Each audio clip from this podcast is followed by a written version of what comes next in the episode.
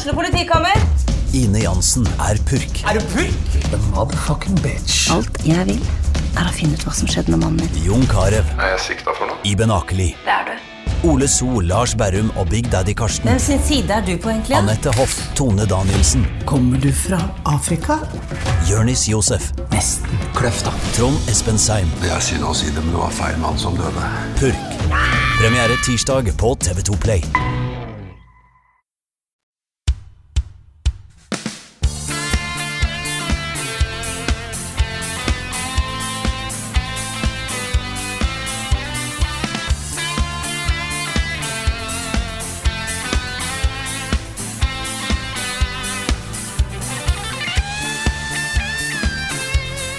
Hallo alle sammen og velkommen til en ny episode av podkasten Level Backup med meg, Frida Dammo. Med meg denne uka har jeg Karl Martin Hogsnes og Rune Fjell Olsen.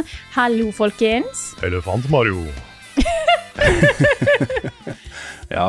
Ja, mhm. Det har prega livene våre eh, siden sist. Elefant-Mario. Mario. I aller høyeste grad. Det er bra vi kan ta opp elefanten i rommet med en gang, tenker jeg. Ja, jeg føler at jeg måtte bare få den ut med en gang. Ellers hadde det blitt litt sånn kleint, ikke sant? Slår elefanten, og så er det ingen som snakker om den. Ja. Ja, det er sant. Og eh, vi skal snakke mer om Mario senere i podkasten, så bare til glede seg til det. Men ellers, hvordan går det med dere, folkens? Går det bra? Nå er det mye, altså, Frida. Det er det. Er det mye, mye greier. Ja. Veldig mye greier. Mm. Så vi, vi har nok å gjøre om dagen. Uh, for min del da, så skal jeg både hjelpe en norsk oversetter med et manus til en, en veldig spennende bok som skal komme på norsk. Jeg skal uh, um, voice og lage manus til uh, episodene til uh, Kontroll Z, altså denne antitoxic-serien vi lager. Som skal leveres på, på onsdag neste uke. Har det vært stress, Karl? Ja, en smule. En smule stress. En smule stress. Det er, ja. eh, det er, det er litt sånn eh, Definisjonen av togskinnene blir til mens toget går. Mm. Så det har vært en uh, intens periode med mye stress og mye sånn 'herregud, åssen skal vi komme i mål med det her'?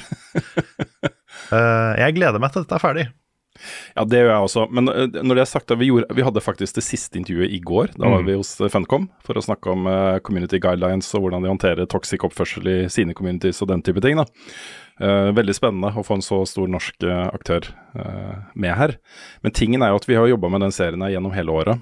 Eh, og selv om det blir utrolig mye jobb nå på slutten, så oppdaget jeg jo med en gang jeg så din episode og Nick sin episode, eh, for vi klipper liksom hver vår episode nå, at eh, her har vi jobba ganske godt, altså, med utvalg av intervjuobjekter og struktur og sånt. Um, det, er, det, altså, det blir så bra. Det blir så bra. Jeg er kjempehappy med resultatet nå. Selv om vi ikke er helt i mål, så kommer dette til å bli bra, Carl. Det kommer til å bli kjempebra. Ja, jeg har, nå som jeg har sett to nesten ferdige episoder, Mm. så, så begynner jeg liksom å, å se ting falle på plass.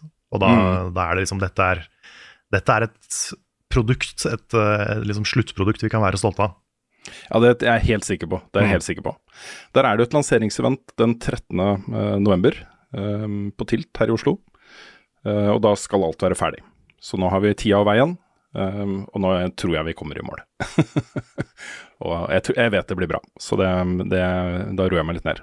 Men jeg skal jo også da, i, på mandag skal jeg holde et foredrag uh, i Kristiansand. Så da forsvinner jo liksom halvannen dag der. uh, Og så er det jo alle disse spillene da på toppen. Mm. Så um, ja. Kan det ikke bare um, verden settes på pause et par uker nå, så hadde jeg blitt ganske happy. Det hadde vært ganske fint. Mm. Ja. Skjønner ikke hvem var som bestemte at det skulle være 52 uker i år og 24 timer i døgnet. Ja. Nei, det er ak er det for et rasshøl? Ja, pokker også. Ja. Men nå er, det, nå er det snart vintertid, da, så da hjelper det jo. ja, når er det vi stiller klokka? Når er det vi Ja, vi får, en, eh, vi får en ekstra time på søndag. Natt til søndag. Og det er nå på søndag? Ja. Åh, det er, den timen trenger vi, vet du. ja, du. det er det verste. favorite thing altså hvert år, å få den ekstra timen. Ja. Det er nesten verdt nedturen av å miste den på våren. ja, for det er en lånt time. Det er en lånt time, men Ja. det er så deilig hver gang den kommer, ass. Ja. Jeg har aldri anyway. hørt noen være så glad for at vi skal stille klokka. Dette var helt, dette er helt Ja, fascinerende. det, nei, men dette er hvert år. Dette er en av mine sånne årlige gleder. Ok. Ja, men jeg, altså, jeg, jeg syns bare dropp det, herregud. Det er ikke Ja. noe vits med sommertid og vintertid å forholde seg til. Og så er det forskjellig på forskjellige steder i verden og sånt. Så, sånn reset-tiden i Destiny har jo liksom endra seg to ganger i året. Det er liksom en time fram, og så en time tilbake, og så, ikke sant. Det er ikke greit. Nei, det er ikke lenge. Stakkars, stakkars Snorlax kommer til å bli ja. Synd det har påvirker livet ditt så mye, Rune. Det, Ja, det er, ja, det er helt forferdelig. Men, eh, men eh, anyway, vi hadde jo også denne livestreamen eh, i forbindelse med TV-aksjonen, altså gamingaksjonen. Jeg så nå, det har runda 540 000 kroner på spleisen vi oppretta der. Fy fader. Helt fantastisk. Det er dritkult. Og nå var jo TV-aksjonen på søndag, og vi var jo da faktisk Oslos nest største giver inn i, i TV-aksjonen i år. Det var vi. Det er ganske kult. Ja, det er veldig kult. Oslo er svært. Ja, Det var vel bare noe oljegreier, var det ikke det, som slo oss? jeg husker ikke hvem som slo oss, jeg. Men, var, eh, jeg tror det var Yara. Yara var det. eh, ja, for det var 1,5 mil eller noe sånt. Det var et stykke opp dit. Neste gang, Men uh, hm? neste gang tar vi de. Neste gang tar vi de. Men det var også en eh, utrolig flott opplevelse, den streamen. Det var kjempegøy å se det bli nevnt også på TV-sendinga. Da var det jo eh, litt uh, Var det Bunny Super Bunny Man, ja, som ble vist. Super Bunnyman? Ja. Så det var kjempegøy. Og så vil jeg jo selvfølgelig sette, sende en spesielt stor takk til alle dere som har gitt penger da, inn i denne aksjonen. Det er dritkult Mm. å se det engasjementet. Og vi hadde jo noen, noen i vårt community som eh, ga så mye penger at jeg, at jeg har problemer med å, å se det tallet. Det var en som ga 50 000, og en, et par stykker som ga 25 000 kroner. Det er, eh, det er eh, utrolig flott. Jeg, jeg håper dere har de pengene, at det går greit. Men det er utrolig flott at folk vil bruke penger på dette her. Og når vi ser liksom de grusomme scenene nå som kommer ut fra Gaza og, og sånt, det er det er hjerteskjærende, rett og slett, å tenke på hvordan barn, uskyldige barn har det i alle disse forferdelige konfliktene rundt omkring. Og det er jeg veldig glad for at vi eh, kunne i hvert fall bidra ganske mye da, i- inn i år. Det, var, eh, det føles viktig og, og bra. Tetris. Skyrim. Destiny 2. The Sims. Edderkoppkabal. Destiny 2. Animal Crossing. Pokémon Cola eller Pokémon Pepsi. Destiny 2. Guitar Hero. Kingdom Hearts Bohemian Boogaloo. Destiny 2. Level Ups spilleliste. Nå har det norske og internasjonale folk hatt Mario i hendene sine i ei uke, og det inkluderer oss òg. Vi har jo alle tre spilt litt Super Mario Wonder, litt eh, Elefant Mario eller andre elefantkarakterer eh, etter hver sine valg. Hva, hva syns vi? noen av oss har spilt litt mer enn andre. Du sa du har 100% av det, Karl. Jeg har eh, 100% av New Super Mario Bros. Nei, ikke New Super Mario Bros. Super Mario Bros. Wonder. ja. Ja. Det, det, det gikk fort, altså. Det, mm. jeg først satte meg ned med det og begynte å spille det, så var det vanskelig å legge seg fra seg. Mm. Det var veldig bra. Mm. Jeg har kost meg skikkelig med det. Og Mm. anmeldelsen kommer i løpet av en dag eller to. oh, ja. Så i helgen-ish. ish. Ja. Fredag eller lørdag kommer uh, Mm. anmeldelsen, tenker jeg. Hvis ikke PC-en min eksploderer. Jeg fikk faktisk jeg fikk blue screen med lyd her om dagen. ok. Sånn, sånn høy sånn knakelyd. Så da ble jeg litt stressa på at uh, oi, hva skjer nå? nå? er, det er scary. Men den lever fortsatt. tatt over av Bowser, kanskje, ikke sant? Ja, kanskje det. Samme som i spillet. Mm. Mm. Nei, jeg eh, streama jo de første timene på, på Twitch. Eh, du fikk med deg Kom innom på slutten, Karl, og sa hei. Ja, jeg hadde nesten ikke stemme den dagen, så jeg måtte bare Jeg fikk ikke vært med så lenge. Men Nei, men det går fint. Jeg var litt sliten sjøl, så det, var, det ble ikke så ble ikke så lenge. Men eh, da fikk jo jeg eh, delt den opplevelsen med, med det norske folk. Og da var jeg Jeg har kost meg så mye med det spillet. Det er altså bare så gøy. mm. Dette er jo på en måte Hvis det hadde fantes en formel for, for, for gøy, pluss Nintendo så det, det er sånn det ser ut. Altså, du, du får den der følelsen av at nå skal vi kose oss, folkens, med en gang. Bare det der at du legger opp til uh, den flotte co-op-biten. Du bare starter med skal det være én, to, tre eller fire spillere. Så er du i gang, liksom. Og det er alt bare flyter, og det er snappy og ikke minst morsomt. Det der blomstene, de kommentarene de blomstene kommer med. Jeg ler høyt av det, jeg, ass. Det syns jeg er kjempegøy. jeg, var, I believe in you! ja, jeg, jeg, var, jeg var forberedt på at jeg kom til å bli irritert av de, uh, Ja. men det ble jeg ikke, da. Jeg syns de, de holder seg liksom akkurat på grensa til De gjør ikke for mye ut av seg.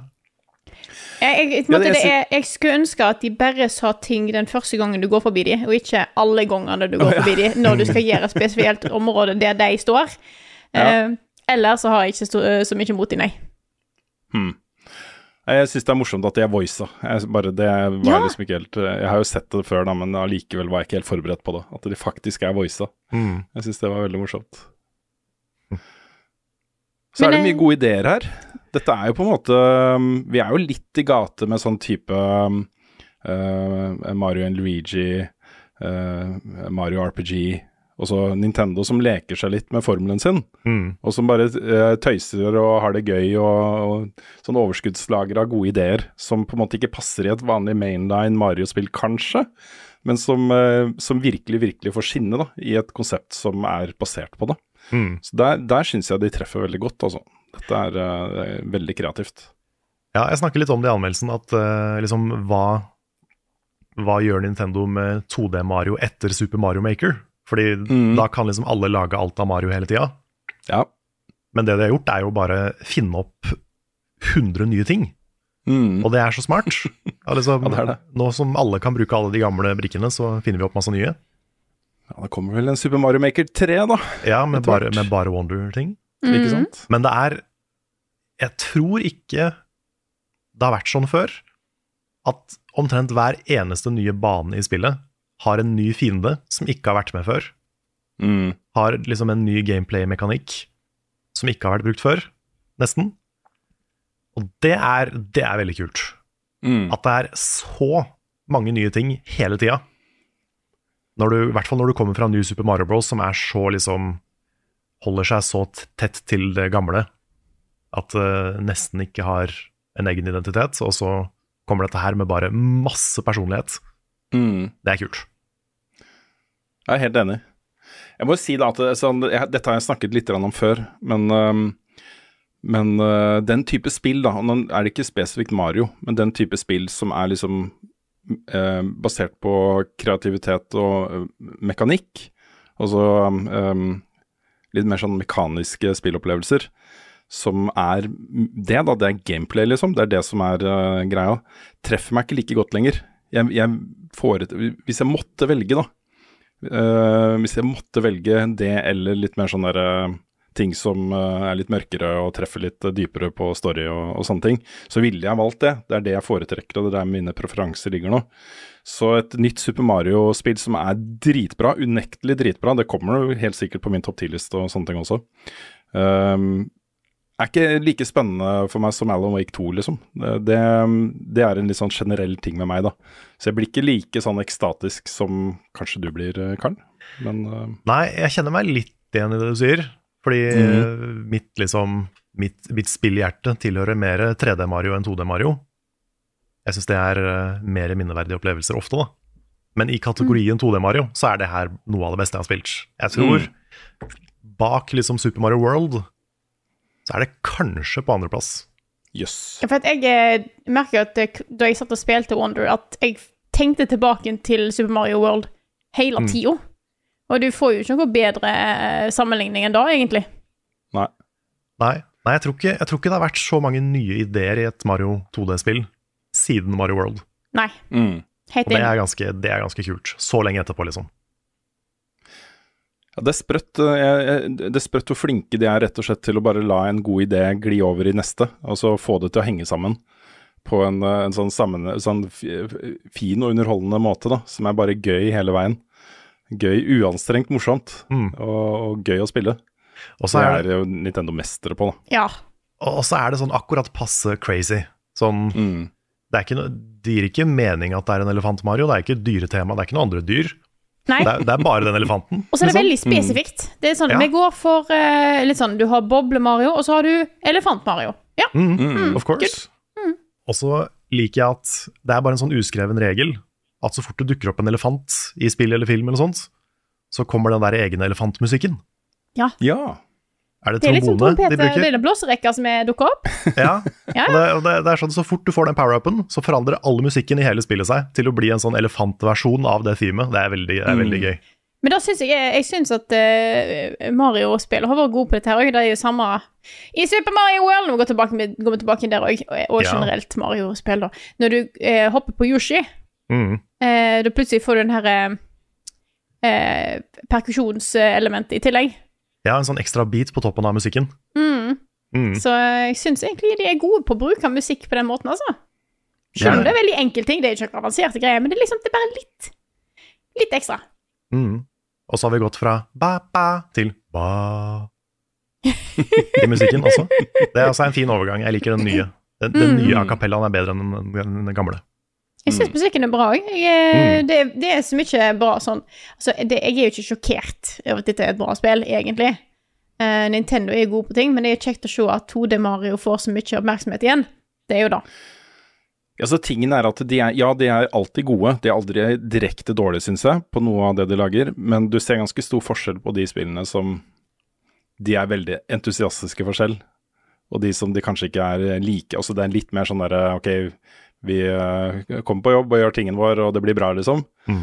Eh, men når de får lov da, til å bare øse ut av overskudd og nye ideer og sånne ting, så merker man ganske stor forskjell i tonen også på disse opplevelsene, syns jeg. Mm. Dette er jo definitivt et sånn type spill nå. Jeg tror det her er et spill hvor de bevisst har sagt at liksom, ok, nå har vi vært safe en stund på det her. Nå er alt lov. Mm. Sånn Elefant Mario, go for it, liksom. Ja. Jeg tror nok dette er ting som Miyamoto har sagt nei til før, men som han kanskje, kanskje ikke nå sier nei til lenger. Mm. Men det er så mye uforventa i det spillet her òg. Jeg vet liksom aldri hva som skjer når jeg spiser sånn til Wonder uh, En sånn Wonder-ting. Mm. Mm. Da blir det, da blir det eh, helt ko-ko. Plutselig så er du en firkant. Ja. Baba is Mario. Ja. Mm. Men jeg liker jo òg dette her med at det er litt eh, eh, Det er litt ting gjemt her òg. Eh, jeg fant jo litt sånne ekstra ekstrabaner. Koste meg med dem. ja, det er noen eh, kule hemmeligheter i det spillet her. Og så er liker også jeg ja, Nei, sorry. Nei, go ahead. Og så liker jeg at det er en del utfordringer her. Mm. Noen av disse her er skikkelig vanskelige. Jeg, jeg tror ikke det er en spoiler å si det, men det er jo som, som det alltid er i Mario, så er det jo noen, noen final eh, super challenge-baner. Mhm. Og den aller, aller siste av de satt jeg med i kanskje to timer. oh. Oi, just navn. Den var, den var tøff, og jeg brukte nok i hvert fall 40-50 liv Ah, shit. på å komme gjennom den. Den, den siste sånn jeg satt lenge på, det var siste banen i Super Mario 3D World. Ja. Den siste på det, det ekstrabrettet. Den, den var kul, men den var òg helt ko-ko. Mm. Jeg husker de, de Galaxy òg. De var helt sånn Ja. insane vanskelige, de siste Ja, av de. Ja, Nei, men det er kult. Jeg gleder meg til deg. Jeg gleder meg til å fortsette på dette her og se hva mer det har å, har å by på. Jeg har ikke kommet til like langt som det du har, Karl. Nei, hvor, Du hvor langt er du lengst. cirka? Eh, jeg har tatt to sånne Royal Seed, er det det heter? Ja, ok, ok. Ja. Mm. Mm. Ja, da er du mye gøy foran deg. Ai, ai, ai, ja. Jeg lada opp eh, det vi har av eh, Switch-kontrollere i huset, så er planen er bare å ha med kidsa, kidsa på det. Jeg så det var en som spurte om det også, kan du jo bare nevne, eh, nevne det spørsmålet? Fra Jon Magnus Restad, som lurer på om jeg har spilt med barna ennå. Han skriver da at eh, han har spilt det med sønnen på 11 og ble litt overrasket over hvor gøy det faktisk er. Som en mann på 42 år hadde jeg ikke tenkt så mye på dette spillet, men sønnen min dro meg med, og jammen er det ikke fremdeles kos med Mario. Er, slett- jeg har ikke hatt tid til å sette meg ned og spille med de, men uh, som sagt, ladet opp kontrollere. Uh, ungene er klare, de. Uh, og dette er jo sånt supert spill da, å spille med kidsa. Så, Mm.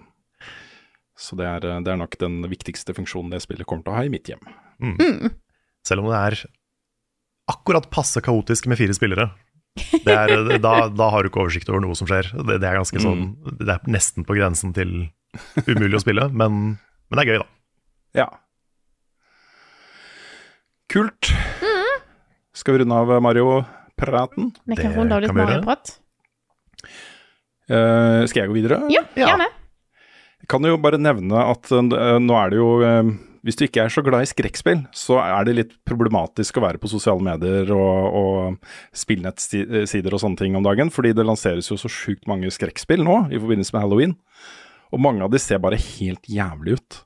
Helt jævlig ut. Og ett av de er et spill som heter World of Horror, som er inspirert av eh, Junji Ito. Mm. Um, det er et, uh, du, du kan velge å spille det 1-bit eller 2-bit. så det er er litt sånn Obra Din-grafikk på dette her. Um, jeg spilte det første oppdraget der. Og det er, det er ikke så skummelt som noen av disse her Unreal Engine 5-greiene jeg har sett, liksom.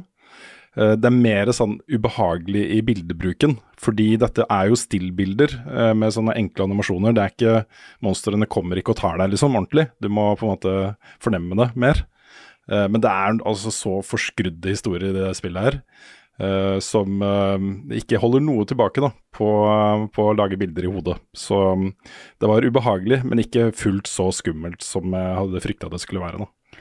Her er det jo liksom Sister Lady som kommer og du må slåss mot og sånne ting. da. Jeg har sett noen screenshots fra dette her, og det ser jo ut som tegninger av Junji Ito. Mm. Og da er jo helt For å si det rett ut, ganske fucka greie. Eh, Ja, det er sant. Dette er jo et, et, et, et sånn rogelight, um, adventure slash rollespill, med inventar som du må bruke, og du har puzzles, så du må klikke på ting for å åpne skapdører og, uh, og sånne ting. da. Og så er det eh, turbasert eh, slåssing. Jeg syns den turbaserte slåssinga var litt sånn underwhelming, fordi du ser egentlig ikke motstanderens angrep noe særlig. Du kan liksom se at eh, det ikke går så bra med deg, liksom. Men, eh, men eh, selve kampen er bare sånn klikke på ting flere ganger, og så går det bra eller dårlig, liksom. Men, men ja, jeg, jeg syns det virka veldig interessant, altså. Så hvis du er glad i den type greier, så er det kanskje noe for deg. Og så driver jeg jo fortsatt og pusler med Lords of the Fallen, og jeg hadde egentlig lagt fra meg det å ta platene med det spillet, for det var umulig. Og det mener jeg virkelig umulig. Det var, For det første så fantes det ingen guide på nett som fortalte deg hvordan du skulle gjøre det. Og for det andre så var det um, et krav da, om å gå inn i New Game Plus. For du må ha liksom forskjellige typer eh, slutter som gir deg liksom en eller to ting som du trenger, sammen med alle de andre tingene for å kunne få platinum. Og New Game Plus var ødelagt. Fullstendig ødelagt. Jeg snakka litt med Svens om det, og han var sånn Han er godt i gang med New Game Plus og anmeldelsen og alt dette her. Men han sa det at eh, også, eh, helsen til bossene uh, scala bare helt ko-ko. Um, for eksempel, da, dette er folk gjort research på. Hvis du leveler noe særlig over 120, level 120, så går uh, den derre uh, helse- og damage output-greiene til, til fiendene helt som bananas. Så istedenfor at også Hvis du går opp si 20% i styrke, da, basert på levels, liksom, så kan de plutselig gå opp i 400-500% i, eh, i hvor mye helse de har og hvor mye damage de gjør. Oi. Så Svens fortalte han ble one-shotta og to-shotta av, eh, av bosser, liksom. Fordi han levela opp, eller fordi Ja, sikkert fordi han var litt, litt på grunn av at han var for høyt level, men også fordi det var et generelt sånn scaling-problem i New Game Plus. Mm. Men det har kommet en patch, og det skal komme flere eh, patcher. eh, og den første patchen eh, gjorde jo om New Game Plus til det beste New Game Plus-systemet jeg har sett i noe spill noen gang. For nå kan du velge, da, når du er ferdig med spillet, og komme til rulletekst og skal over New pluss, kan du velge å bare resette verden med samme vanskelighetsgrad. Uh, og beholde alle greiene dine som du vanligvis gjør i Nugen Plus. da. Eh, for å da kunne hente ut de siste tingene du mangler. ikke sant? Så da kommer du inn i Nugen Plus som en overpowered gud som bare valser gjennom ikke sant? alt mulig rart. og det er dritkult. Um, I tillegg så uh, vil du nå kunne um, legge inn modifiers på Nugen Plus. Velge hvor mange lagringsplasser du skal ha, f.eks. Uh, vanskelighetsgrad på en del greier. Og så kan du til og med legge inn randomizers, Carl, i New Game Plus. Det er Dine kult. egne randomizers. Det er veldig kult. Det er, det Ja, er det er på, kjempestilig. på tide at spill begynner å få offisiell support for det, for det er en genial ting. altså. Mm. I New Game Plus så kan du også legge inn permadeath, hvis du vil. Så det er liksom hele spekteret. Fra bare trophy hunters som har lyst til å finne de siste tingene, til de som har lyst på en skikkelig utfordring. Og da, ja. Eh, Det, det setter jeg veldig pris på. Jeg er veldig glad i det spillet, altså. Det har sine issues. Det er ikke alt med det som jeg syns er uh, tipp topp. Men uh, de fanger den der samme følelsen som jeg fikk liksom fra Dark Souls-spillene. Den derre dystre, tunge greiene, den musikken. Jeg så det var en nordmann som har lagd, vært med å lage musikken her også. Um, så det, det er et det er, Jeg syns det er et kongespill. Jeg er veldig glad i det. Så, så jeg er fornøyd. Så bra. Jeg, eh, kan jeg legge til en liten ting? Når jeg kom på, eh, hvis du var ferdig, Rune? Ja, jo, jeg bare nevner, Carl. Jeg, jeg har lyst til på litt hjelp fra deg, for du kan drive og dupe ting. Altså du kan gi ting til, um, eh, til Coop-folk, og så kan de gi det tilbake. Så jeg har noen items på en annen character som jeg har lyst på liksom main characteren. Så jeg har lyst til å gi det til deg, og så bytte karakter, sånn at du kan gi det tilbake. Å ja, sånn uh, save-smugling.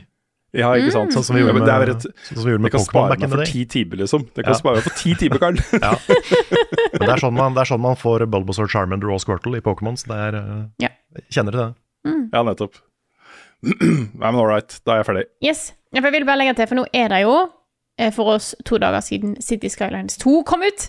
Eh, Og jeg, snak, jeg har ikke snakka om det nå, og det er bare fordi at jeg har vært vekkreist eh, denne uka. Jeg har vært i Trondheim en tur og snakka litt, om, eh, litt med studenter i Trondheim om eh, hva en kan gjøre når en er ferdig utdanna.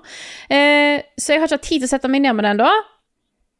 Jeg har jo sett at det har hatt litt problemer, det spillet, siden Ja. release. Eh, dette er jo et spill som i hvert fall er originalen. Eh, det er ganske mange ting som skjer etter hvert i den byen din, og ting kan begynne å gå litt tregt. Men dessverre så ser det ut at det har litt performance issues. Eh, utviklerne har vært ute og sagt at de skal se på det, og de har valgt å ikke utsette eh, utgivelsen fordi at det er veldig mange som har hatt det gøy med spillet, så de ville ha det ut på den eh, annonserte releasedatoen, og den kan jeg jo forstå, men det er jo synd at et spill skal ha så mye problem ved utgivelse. Dette er jo noe vi har sett mange ganger før, og det er jo irriterende når det skjer igjen. Ja, det er litt rart. Ja. Nå må du utsette liksom konsollversjonen, og eh, hvis du har liksom under 40 seriekort, så vil du slite, liksom. Ja. De fleste vil gjøre det. Det, det er liksom et spill for de få nå. Eh, Så lenge du er klar over det, så går det jo an å vente, men det er litt synd å høre fra de som faktisk får det til å flyte godt, at eh, det er veldig bra. Ja. For da får man jo veldig lyst til å spille det, ikke sant. Absolutt. Jeg ser de skriver at de satser på måtte, pla Planen deres nå først er å få at alt til å kjøre ved 30 FPS, for dette er jo ikke spill der du trenger kjempehøy FPS, og da er jeg jo egentlig enig i. Men hvis det er Det er jo dette her når du beveger deg rundt, da. Det er jo greit at ting går litt smooth. Så eh, jeg vet ikke helt hvordan det føles ennå. Jeg har som sagt ikke testa det. Men eh, jeg blir spent på å se hva mitt eh, 2080 Ti-kort eh, får ut av, av dette her. Ja, du får rapportere, for det er jeg spent på også, Frida. Ja, da skal jeg teste noe, noe etterpå. Så skal vi se hva, jeg, hva som skjer. Har dere prøvd vann fra springen? Jeg har sett en ny TV-serie ja, nå, vet du. Dette albumet må dere høre. TV-spill er ganske stas. Det er en serie som foregår in space. YouTube.com. Der er det en kul nettside. Level Ups anbefaling. Anbefalingen denne uka er en slags fortsettelse av noe vi snakka om sist gang, Rune. Ja, vi går fra O'boy O'boy til uh, anbefaling. Og det var jeg ikke helt sikker på om vi skulle gjøre da. Fordi uh, forrige uke så gledet jeg meg jo til å ta med dattera mi på Taylor Swift, The Eras Tour, på kino. Jeg må jo først nevne da at det jeg trodde det var, var en sånn eh, litt sånn nedklippa versjon av konserten. Med kanskje litt behind backstage og intervjuer og sånt. Men det er jo faktisk hele fuckings konserten.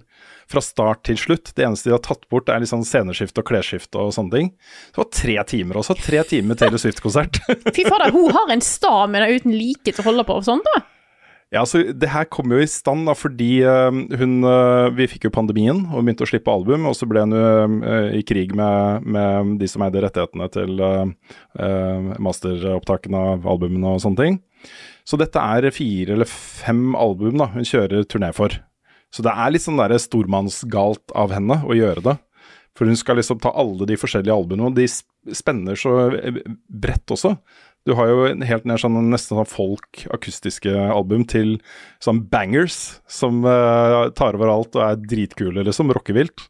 Så veldig stor spennvidde. Men jeg syns altså Jeg vil anbefale folk, særlig hvis du har tenåringsdøtre.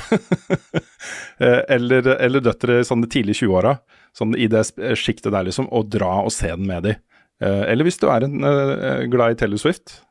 Fordi det å være på den altså, Det nærmeste du kommer, er de der visningene av Rocky Horror Picture Show, hvor folk har kledd seg ut og synger med og kan all teksten og sånne ting. Fordi altså, folk reiste seg og dansa først på radene, og så strømma de ned foran uh, lerretet og sto og dansa på den åpne plassen der og skrålte av full hals. Nei, så kult! Og med mobiltelefoner og vifte, og det var liksom full konsertstemning i salen, så det var kjempegøy, altså. Kjempegøy. Wow. Så uh, dattera mi likte det så godt at uh, på søndag så skal hun en gang til da med to venninner. Så um, uh, alene da uten foreldre. Så det er også uh, lover jo godt, da. Tenk å ha den selvtilliten til å være den første personen som reiser seg opp og begynner å synge på kino. Ja, for det er så unorsk. vet du. Herregud. Ja, det det var, er hadde akkurat to da. stykker vi hadde to stykker ved siden av oss som var veldig der. Sånn De første gangene var det sånn utrolig nølende, liksom. Og så begynte de så på meg, og de så på de andre rundt seg. og Det var jo bare halvparten liksom som gjorde det. Det var Andre halvparten satt jo ned, liksom. Jeg litt sånn arma i kors og Og sånn. Jeg skulle i hvert fall ikke synge av altså. Uh, og det er litt sånn ubehagelig, men så fant de støtte i hverandre, vet du. De, eh, de to ved siden av oss gikk jo bare bort til en annen på vår rad og begynte å stå og synge og danse med de. Som de, jeg tror ikke de kjente de fra før engang. Og så var det liksom alle ned, da. Eh, og det, det var eh, kjempegøy, altså. Så hvis du har muligheten til å se dette her på kino, så, mm, så, så vil jeg anbefale det også. Her kommer nyheter med Rune Fjell-Olsen, og han har ikke hår. Det har vært CitizenCon um, denne uka her. Og dette er jo eh, en årlig eh, festival, eh, convention, for um, Star Citizen. Ja. Dette evigvarende prosjektet som har henta inn over 500 millioner dollar i uh, backing, rett og slett. Det I er helt ko-ko. Ti ja, år. og tenk at det fins et con for et spill som ikke er ute ennå. Ja, ikke sant. Ti år, ikke ute ennå, henta inn så mye penger. Um, og jeg, jeg syns dette er litt morsomt også, fordi uh, en av de modulene de jobber med, er jo noe som heter Squadron 42. Uh, og her har de henta inn også type Gary Oldman, uh, Mark Hamill, Gillian Anderson, John Rice Davis, Andy Serkis osv. Altså store, store navn da, uh, som har likeness også i, i rollefigurene. Eh, litt mer sånn actionprega skytespill, eh, også romkamper. Eh, mens eh, de andre modulene handler mer om liksom skipbygging og utforsking av universet og sånne ting. da. Um, og nå har da dette gått over i en ny fase, fordi det har vært eh, pre-alfa, pre-alfa, alfa, alfa, alfa. Teste, vi holder på, det blir ferdig til- eh, etter, etter hvert. Og nå sier de da på uh, CitizenCon at uh, det er feature complete. Altså det, innholdet i spillet er på plass. Det eneste som gjenstår, er polish. så nå er det en ny fase. Jeg er jo spent på hvor lenge polish-fasen varer. Jeg beklager at jeg er litt sånn der, skeptisk til dette her. Også. Det er et eller annet med den derre evigvarende vi trenger mer penger, er ikke ferdig ennå, et eller annet. Liksom. Det føles nest, det er nesten sånn i scam-grenseland. da. Jeg beskylder det ikke for å drive med scam, jeg tror det blir et spill til slutt, kanskje. Men, øh, men øh, jeg er skeptisk. Jeg Altså, er fortsatt skeptisk. Jeg er kjempeskeptisk, men det er ikke nødvendigvis at jeg mener 100% at dette her er en scam, og at de bare har tenkt å ta alle pengene. Jeg tror jeg, jeg, Min hypotese er kanskje at det har eh, Kanskje de har hatt litt problemer med utvikling, kanskje de ikke har fått til alt de har lovd, og så har de fått inn så jæklig mye penger! Ho- Holy shit, det er mye penger! Eh, Mm. På det punktet der de ikke vet helt At det kanskje er vanskelig å si 'nå er det godt nok', fordi at det Ja. må ha så høy kvalitet Ja, jeg, for å leve opp til folk sine forventninger. jeg har liksom den delen av meg som har lyst til å ha tro på menneskeheten og sånn. Jeg tenker at liksom jeg, jeg håper dette er en sånn Owlboy-situasjon, hvor de har, de har liksom polisha og jobba og jobba, og så har det blitt sånn scope creep, eller hva de kaller det. Mm. Hvor bare ambisjonen har blitt større og større, og så har de løpt litt fra dem, og så klarer de liksom ikke å fullføre, da. De får bare nye ideer og får lyst til å gjøre mer og får lyst til å gjøre det bedre og bedre og bedre, og så blir det aldri ferdig. Ja, for at, Mm. ja, det er, Men- min, min kritikk er ikke en kritikk av utviklerne, egentlig. Det er bare da at jeg er redd at de har havna i en sånn eh, frykt for at ikke alle de som har gitt så jæklig mye penger, skal bli fornøyd. Mm. Ja, for hvis, hvis det hadde vært en sånn kynisk forlengelse av utviklingsprosessen for å få inn mer penger, det hadde vært skikkelig bad. Ja, men da, da tror jeg ikke. Nei, det, det håper jeg ikke. Nei. Jeg er ikke sikker. jeg er faktisk ikke sikker også, men det er et eller annet med også Jeg, jeg tror nok intensjonene har vært gode hele veien her. Um, og jeg vet jo at uh, Squadron 42, som jo er denne, dette spillet, da, som er en egen ting, liksom, et litt mer sånn action-skytespill, uh, ble drømt opp fordi det var en mindre modul enn det de egentlig hadde lyst til å lage, som jo var hele verdensrommet og alt, liksom. Det skulle være dette pluss alt det andre. Utforsking av planeter og yrker og eh, skipbygging og romkamper og alt mulig rart, liksom. Så Squadron 42 skulle være en litt mer fokusert greie som de kunne liksom få ferdig, da. Som en, en pakke, ikke sant. Um, så um, um, har det liksom det også blitt en sånn alfating, da. Men det som, jeg synes det som er problematisk her, er jo at det er så mange mennesker, faktiske mennesker, fans. Jeg kunne fort vært en av de, for det, dette er liksom i, på papiret litt drømmespillet mitt. Um, som så gjerne vil se dette spillet bli ferdig, uh, og som um, jevnlig gir penger. Altså det er en del av budsjettet deres fra år til år, liksom. At de gir utviklerne av Star Citizen penger, så de kan få det spillet ferdig en gang. Uh, og det er um, Når det, strekker utover så lang tid, så er det et eller annet problematisk der, syns jeg. Uh, som, um, som um, Ja, som jeg ikke er helt komfortabel med, da. Men når det er sagt, da. Vi har fått spørsmål her fra uh, Bjobb Jobb, f.eks., på Discord. Bajabajob. Uh, Job, job. Job Job, eh, som lurer på hva jeg, hva jeg tenker om gameplay som ble vist. Og det, det, var en sånn 26 minutter lang eh, eh, blanding av filmatiske sekvenser og Gillian Anderson og, og sånne ting. Og romkamper um, og utforsking av planeter og skyteaction og uh, sånne miljøpuzzles. Hvor du må liksom legge inn batterier for å få ting til å funke, og så funker den tingen. og og sånt. Og jeg syns, jeg, syns, jeg syns jo det ser veldig bra ut. Og nå vet jeg ikke hvor regissert en sånn video er. Hvor uh, representativt det er for den faktiske spillopplevelsen. Men, uh, men, men, det ser veldig bra ut. Og jeg er forsiktig optimistisk nå, mer kanskje enn jeg var før, da. På at det kan bli et dritbra spill av dette her til slutt. Så, men jeg er veldig spent da på hvor lenge denne polish-fasen varer. Og det kan fort bli to De tuller jo med det sjøl, ikke sant, fansen av dette her. Ja, det er jo sikkert fire-fem år, da. med polish, ikke sant? Jeg syns det hørtes realistisk ut, jeg. sånn, Ja. egentlig. Det var en i uh, selskapet som uh, antyda at uh, ett til to år um, med polish. Så uh, vi får se. Kanskje det kommer neste år. Uh, sannsynligvis ikke, men da kanskje 2025. Så får vi se. All right. Um, det var også en Xbox showcase, hvor de skulle vise fram Xbox Partners, altså det er tredjepartsutviklere. Jeg tar ikke alt som ble vist fram der, men jeg bare nevner noen av de tingene som bet meg mest merke i. Uh, og dette er et spill vi har snakka litt om før, som heter The Finals. Jeg tror det også er svensk, folkens. Svensk utvikla. Uh, skytespill. Også dette er jo en litt sånn kjapp versjon av Valorant uh, CS med abilities og, og sånne ting. Et competitive skytespill, rett og slett, som er free to play. Det er en beta av det spillet ute nå, og det ser altfor kjapt ut for meg. Men det ser dritbra ut. Og hvis det er så gøy, ut, uh, uh, hvis det er så gøy som det ser ut som på, på den gameplay-videoen som de slapp da, i forbindelse med den betatesten, så kan dette få uh, sitt marked også. Så hvis du er glad i litt sånn kjappe uh, arena eh, competitive skytespill, så kan dette være noe for deg, vil jeg, vil jeg si. Vi fikk også se den første eh, ordentlige videoen fra eh, Still Wakes The Deep, som er det neste horrorspillet eh, fra utvikleren av Everybody's Gone to the Rapture. Som jeg vet Nick er meget glad i. Mm. ikke fullt så stor fan sjøl, men dette så kjempebra ut. Det foregår, på sånn boreplattform ute på havet, og veldig, det så veldig skummelt ut.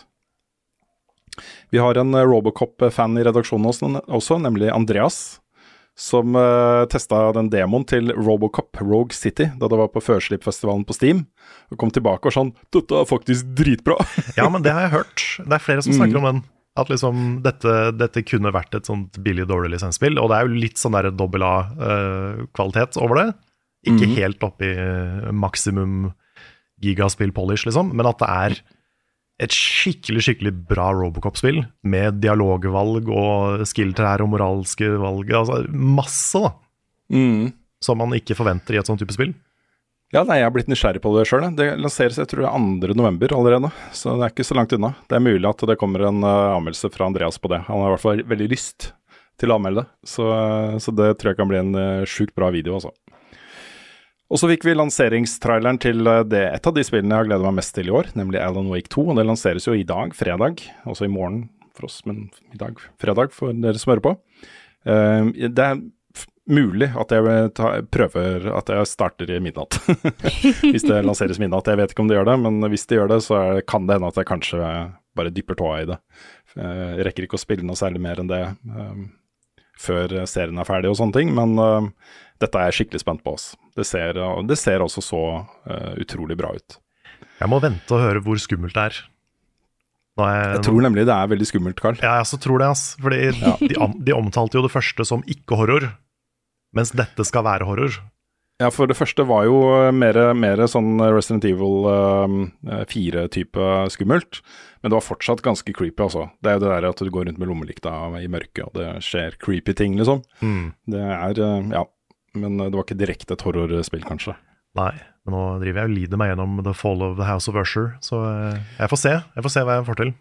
Jeg fullførte den. Det er, eh, var en kremserie også. Jeg, lyst, jeg fikk lyst til å se um, uh, åh, den derre på øya um, uh, Black Midnight? Min, Midnight Mass. Midnight Mass, Ja. Den, Ja. den også begynte jeg på, men den eh, Der måtte jeg ta en pause. Jeg har Ja, sett den men jeg har lyst til å se den igjen. For den er også så bra. Mm. Det er kanskje min favorittserie han har lagd, av det jeg har sett. Så. Men all right. Uh, og så nevner jeg også at det ble vist fra den første in game-videoen fra Metal Gear Solid eh, trekant? Trekant? Metal Gear Solid trekant? Ja. Triangle? Eh, delta. Delta. Delta, Delta, ok. Um, og det var det, Jeg vet ikke, jeg også. Det er um, ikke noe tvil om at det ser mye bedre ut. Jeg er ikke så, jeg er ikke så supergira på den remaken. Det er litt fordi jeg, jeg er så glad i originalen, og jeg syns fortsatt det er spillbart. Og det er et eller annet med det som, uh, som uh, jeg, har, jeg har spilt det så mange ganger òg, ikke sant. Metal Gear Solid 3. Mm. At uh, jeg er usikker på hvor, uh, hvor mye på en måte bedre grafikk kan tilføre spillopplevelsen. Jeg er ikke sikker på om det er, uh, er så mye. Nei, Men skal det være noe endringer, endring i det? Delta betyr jo ofte endring. Ja. Ja, altså de har nok gjort litt med type sånn animasjoner og, og uh, kontrollsystem og litt sa- sanne ting, vil jeg tro. Uh, de har sagt at det er gjort mindre endringer, men at, uh, at den generelle spilleopplevelsen er intakt. da. Ja. Så, um, så akkurat hva de legger i det, det vet jeg ikke helt ennå. Det kan jo være at det egentlig er triangle, og jeg bare tenker at det er delta fordi at delta Nei, jeg tror, de, jeg tror de omtaler det som delta. Ja, ok, nei, da har jeg legg- da Ja. Men- Ja. Men uansett, da. Kanskje de bare har, uh, har en sånn extended uh, mix av, uh, av uh, Snake Eater-låta når det går opp stigen, f.eks. Kanskje den varer dobbelt så lenge, eller Ja, kanskje det. Da er det fem ganger så lang stige. Ikke sant? Men, men jeg har eh, Jeg spilte jo Metal Gear Solid 3 og 4 rett etter hverandre. Og hvis dette er en versjon av 3 som spiller litt mer sånn som 4, Mm. så er det verdt det for meg. For jeg syns det hoppet var veldig tydelig når jeg gikk rett fra det ene til det andre. Ja, det, det holder jeg med i. Uh, Det har nok litt med, altså Min følelse rundt dette har nok mye med å gjøre at jeg spilte det da det kom ut. Og mente det var et av de beste spillene jeg har spilt noen gang, liksom. Og så runda det flere ganger eh, da, og har spilt det flere ganger seinere også. Eh, og for nye spillere som er spent på hva, hva hypen er, liksom, så eh, hjelper det jo med en, en lekker remake, da, med, hvor grafikken er mye bedre. Mm. Så kommer jo også denne eh, samlepakka kommer jo denne uka her. Eh, jeg har eh, installert den, ikke fått uh, testa den ennå. Men det er jo Metal Gear Solid 1, 2 og 3, originalversjonen av 3. eh, pluss Metal Gear 1 og 2, eh, som jo kom ut før denne trilogien. Um, det, som er litt kjipt med det, er at det er pinadø det er trophies i alle, alle de fem spillene er det trophies i. Ja, uff da. Ja, så vi får se. Kanskje det blir sånn jule-kosegreier for meg. Mm. Kanskje. Og så en litt eh, sånn eh, kinkig uh, sak. Uh, vi kan ta spørsmål uh, som en introduksjon her fra Tobias Ording. Som lurer på om dere har sett de, de nye brukerveiledningene Nintendo har sluppet angående arrangering av e-sportturneringer. De betyr i praksis ingen flere Melee-turneringer, og de gjør det veldig vanskelig for seriøse aktører å holde e-sportturneringer som ikke er lisensiert direkte av Nintendo. Hva, ten hva tenker dere om dette? Burde det være innafor at utgivere kan ha så mye kontroll over bruk av eh, IP-ene deres på denne måten? Og Det han snakker om er jo da eh, helt nye retningslinjer for turneringer, og Nintendo har alltid vært litt kjipe på disse tingene, og nå er det konkretisert da, eh, med følgende. Eh, og dette er ikke de eneste reglene, men de viktigste. Um, Du kan ikke ha flere enn 200 deltakere hvis det er live. eh, ikke flere enn 300 hvis det er online. Eh, deltakeravgiften kan være maks 15 euro. Eh, Tilskuerbilletten på arrangementet kan være maks 20 euro. Eh, arrangementet kan ikke gå i overskudd Hæ? um, Ja. i det hele tatt, men inntektene kan gå til maks 5000 euro i premiepenger. Du får ikke selge mat og drikke til tilskuere. Hæ?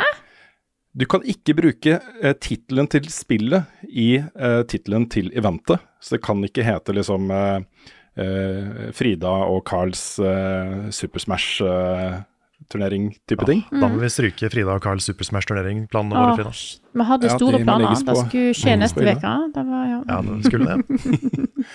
Og så må du overholde alle disse reglene, og hvis du eh, kan på en måte dokumentere at du gjør det, så kan du søke om tillatelse for å få holde eh, eventet. Og da kan du søke om tillatelse, ja? Da kan du søke om tillatelse, og du kan jo da risikere å få nei. Wow. Ja, For én ting er at det, eh, OK, at en ikke skal gå i altfor mye overskudd, for da er det liksom ikke Jeg skjønner at Nintendo ikke vil at andre skal tjene penger på deres spill, i sånn forstand. Men å sette et makstak på premiepotten er jo litt rart. Og den er jo ikke kjempehøy. Og ikke kunne selge mat og drikke til tilskuere. Og ikke få lov å gå i overskudd også er en Mm. merkelig Når du arrangerer et event.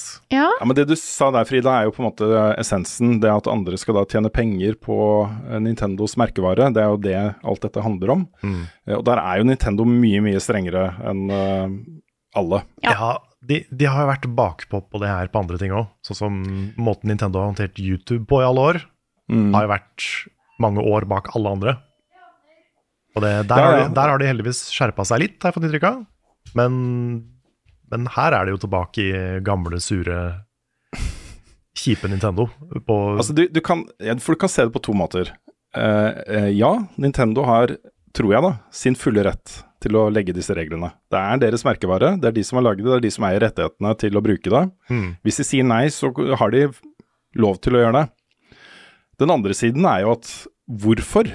Altså, hva Det skader jo ikke Nintendo.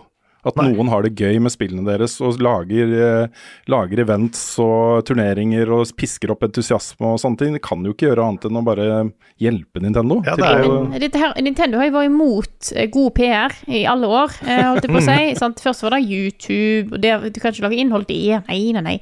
Og nå er turneringer. Nei da, det er vanskelig. Så ja, ja. Mm. Ja, det er, det er rart at de på en måte spenner så bein på e-sport av sine egne spill. ja. Det, må, det må jo være positivt å bli et anerkjent e-sportspill. Men det kan Ja. jo være fordi at altså, det er begrensa. De kan ikke tjene noe mer penger på Mili, på en måte. Nei. Hvis du skjønner hva jeg mener? De selger jo kontrollere og kabler og Nei Adapter For de spiller jo på GameCube fortsatt. Ja, men de selger jo GameCube-kontrollere. Ja, Funker de på GameCube? Eller er de bare til Switch? Nei, for jeg sitter Jeg og ser på Nei, nei, for nå sitter jeg og ser på min uh, GameCube-kontroller. Uh, den her som jeg kjøpte til Wii U-en min back in the day. Og den har jo GameCube-connector. Mm. Ja, altså uansett, da. Um, det, dette er jo på en måte ikke noe prinsipiell forskjell på dette og folk som sitter på Twitch og spiller uh, Super Mario uh, Bros. Wonder og får inn eh, 40 000 kroner i donasjoner fra seerne sine. Altså Det å på en måte generere inntekter basert på andres Det er noe som alle spillutgiverne tillater. Kanskje ikke Nintendo, jeg vet ikke hva deres policy er på det på Twitch. Nei, men vi, Men, uh, vi fikk, hadde ikke kunnet gjøre vår jobb hvis ikke vi kunne bruke noe av eh, spillene vi Nei. anmelder, liksom. Nei. Vi kunne ikke det. Så, um, så veldig Jeg, jeg, jeg syns det er rart, og de er bakpå. De har vært bakpå med introduksjonen av online-spilling, de har vært bakpå med introduksjonen av sosiale funksjoner i spillene sine, med e-sport, med um, Let's Plays, med altså, alt som handler om liksom kulturuttrykket spill, utover bare det å sitte e- hjemme i sin egen stue og spille spillene sine. uh, er Nintendo um, veldig sånn skeptiske til, virker det som. Og jeg syns det er litt rart også. Det ikke um, Det har ikke så mye for seg. Nei, det er eh, jeg, skjønner jo også den der impulsen med at eh, det å ikke ha kontroll på hva slags type folk som tjener penger på dine produkter Altså hvis, hvis en skikkelig shady person hadde, hadde arrangert en Smash-turnering, fått inn masse penger og bare virkelig fucka alle som var med, liksom. Det skjønner jeg at Nintendo ikke vil assosieres med. Ja, men det, Men- kunne, du jo, det kunne du jo bare ha tatt Ja, tak i. det er noe med det. Det, er sånn, det, er som, det, det her føles som å slå inn en spiker med en lastebil. Mm. Ja. Det er Et veldig fint bilde. Ja, Da trenger man en elefant, Mario. da Ja. trenger man en elefant Mario. Ja. Greit. Vi, eh, jeg tror ikke Nintendo kommer til å snu i denne saken. Det er, eh, eh, det er synd. Det er veldig synd. Men noe vi kan glede oss til, og som er spillkultur i aller høyeste grad, er Awesome Games Done Quick. Eh, Neste versjon av den er jo 14. januar. Eh, Programmet er klart. Yes. Er ute. Der er det mye kult også. Jeg har bare plukka ut noen ting som jeg tenkte var kult å nevne her i podkasten. Men du kan sjekke da på gamestonquick.com, så ligger hele programmet ute nå. Um, de tingene jeg satte opp, er Tunic uh, speedrun. Uh, Cassette Beast skal Ja. du ha speedrun av. Det blir bra. Pikmin 4. Um, de, det er noen som skal runde Dead Space-remaken på to timer. Uh, Metroid Dread ligger der. Um, Super Mario Sunshine skal rundes på tre timer og fem minutter. Og så skal det være et uh, race i Undertale. I, uh, True Pacifist Race. Det er Så kos. um, ja, Det er maxim maximum, her, uh, maximum good vibes. alltid. Alltid good vibes. Åh, jeg ser det skal òg være et Super Monkey Ball eh, eh, speedrun. Eh, Mm. Satt ut 18 minutter. Anbefaler å se litt Monkeyball Monkey Ball eh, speedruns. Jeg har sett et par. Det, det er helt ko-ko. Du skjønner Mm. veldig lite, men det er liksom bare sånn hvordan skyte eh, apekatter i en ball eh, på rarest mulig måte eh, rundt omkring på en bane. Jeg ser også her at de har Paper Mario The Thousand Year Door på to og en halv time. Oh, Det kan bli spennende. Mm. Det er ikke et kort spill. nei. Det tar mer enn to og en halv time, for å si det sånn. Det gjør det. Det har eh, OK, vi må eh, Carl? Ja, Eh, Sonic Adventure 2 Battle, Hero Story versus Dark Story, all A-ranks. Å, fuck yeah! Yes. Det skal ses. Ja, det er kult. De hadde også en sånn Elden Ring versus Sekiro-race. jeg vet ikke helt hva det var for noe. Men det var det eneste FromSoft-innslaget som jeg så på programmet der. Så det må jo ses, det også. Ja. Any percent unrestricted, det vet jeg ikke hva det betyr. Nei. Men all right. Uh, en siste nyhetssak, som er også veldig relatert. Uh, det er en speedrunner i Boulderskate 3 som heter May, MAE. Du finner kanalen hennes på YouTube. Uh, og hennes spesialitet er sex speedrun i Boulderskate 3. Altså hvor lang tid tar det før man kan ha seg med noen av, uh, av uh, følgesvennene dine i Boulderskate 3? Og hun var helt nede i åtte minutter, før hun nå, denne uka her, kom under to minutter. Fra oppstart til, uh, til hennes karakter, da. Hadde seg med Lysel. Oi! Og det er en sånn derre det, altså det er en av de morsomste speedrun-videoene og beste speedrun-videoene jeg har sett. Fordi det er jo sånn derre bare flytte på kartet, flytte på kartet, flytte på kartet, dialog, dialog, dialog, flytte på kartet, flytte på kartet. Helt til slutt, til slutt, da, rett før to minutter, så sier da Lacelle I've uh, come to sate you uh, and be sated. I lead, you follow. Oi, oi, 1 minutt 59 sekunder. Og så går kameraet på hennes karakter, og det er, det er, det er sånn Gunn-karakter. Så utrolig stygg. Det er så utrolig stygg karakter, og det er så morsomt. Ja, herlig. Jeg er det er overraska over at Nei, sorry. Ja, nei da, det er jo sånn der The Sims-tid på å Ja, ha seg. Ja. Mm. Det, er ikke, det er ikke et godt tegn å være i to minutter heller. Men jeg er veldig overraska over, at det- over at det er Lazelle. For det er jo den sureste, mest antagonistiske partymemberen du har i starten av spillet. Ja, ja. Så da er jeg spent på hva de har gjort for å få, for å få henne så gira. Du får ikke noen gode svar i videoen heller, vet du, fordi det, det, måten hun går gjennom dialogvalgene på og sånt, det er bare sånn drr, brr, brr. Mm. Du, du, jeg har ikke kjangs til å se hva som foregår. Jeg hadde, jeg hadde skjønt det hvis det var Gale, liksom. Ja, For han tror jeg ikke er så vanskelig, men, um, men ja. Det Jeg sjekket den der også. Den eh, ligger da på YouTube-kanalen hennes, MIE på, på YouTube. Så hvis du søker MIE uh, seks uh, Boulderskate, så, så kommer sikkert den videoen her opp. Jeg anbefaler alle å se den. Det var, jeg lo høyt. Oh boy, oh boy! Det er alltid så kos å snakke om ting en gleder seg til, og jeg er så glad vi har denne spalten, som vi kan gjøre da. Uh, har du lyst til å begynne i dag, Rune? Jeg kan gjøre det, fordi vi starta jo podkasten med å snakke om hvor mye vi har å gjøre om dagen, og det er jo veldig stress. Det er veldig stress, men vi har nå sånn, litt sånn lys i enden av tunnelen. I midten av november, fram til jul, roer ting seg litt ned. Eh, og da er det tre, særlig tre spill som jeg skal spille. Det er Baldur's Gate 3, det er Armored Core 6, og det er det jeg gleder meg aller, aller mest til, og det er Phantom Liberty, uh, Cyberpunk 2077-delsen. Så eh, jeg kommer nok til å starte med Phantom Liberty. Og jeg har liksom sett på Sven spille det, sett en del andre greier om det på nett, og tips og triks og sånne ting. Og jeg er også så klar til å dykke ned i Cyberpunk 2077-universet igjen. Eh, jeg, jeg, gleder meg vanvittig, rett og slett. Så, så det er min og boy denne uka her. Carl? Ja, jeg har også en. Mm. Fordi nå er jeg jo, eh, som nevnt, ferdig med Super Mario Bros. Wonder. Og, og, og, og nå er vi snart også ferdig med den perioden som Rune sa, hvor, ting er, eh, hvor everything is on fire. Men det kommer et Mario-spill til før jul. Mhm. Og det er det siste spillet i år som jeg vet om, som jeg gleder meg skikkelig til. Super Mario RPG. Mm. Det kommer i midten av november. På perfekt tidspunkt, så jeg bare slapper av med noe nytt og gøy. Det blir skikkelig bra. Det gleder jeg meg voldsomt til kommer. Og jeg, eh, som jeg har nevnt før i podkasten, nå gleder jeg meg veldig til å spille City Skylines 2. Eh, og dere, bare, eh, bare så dere vet det, det kommer til å bli lagt ut bilde i dag jeg har bygd min første rundkjøring. Bare så Ja. dere er klar over det.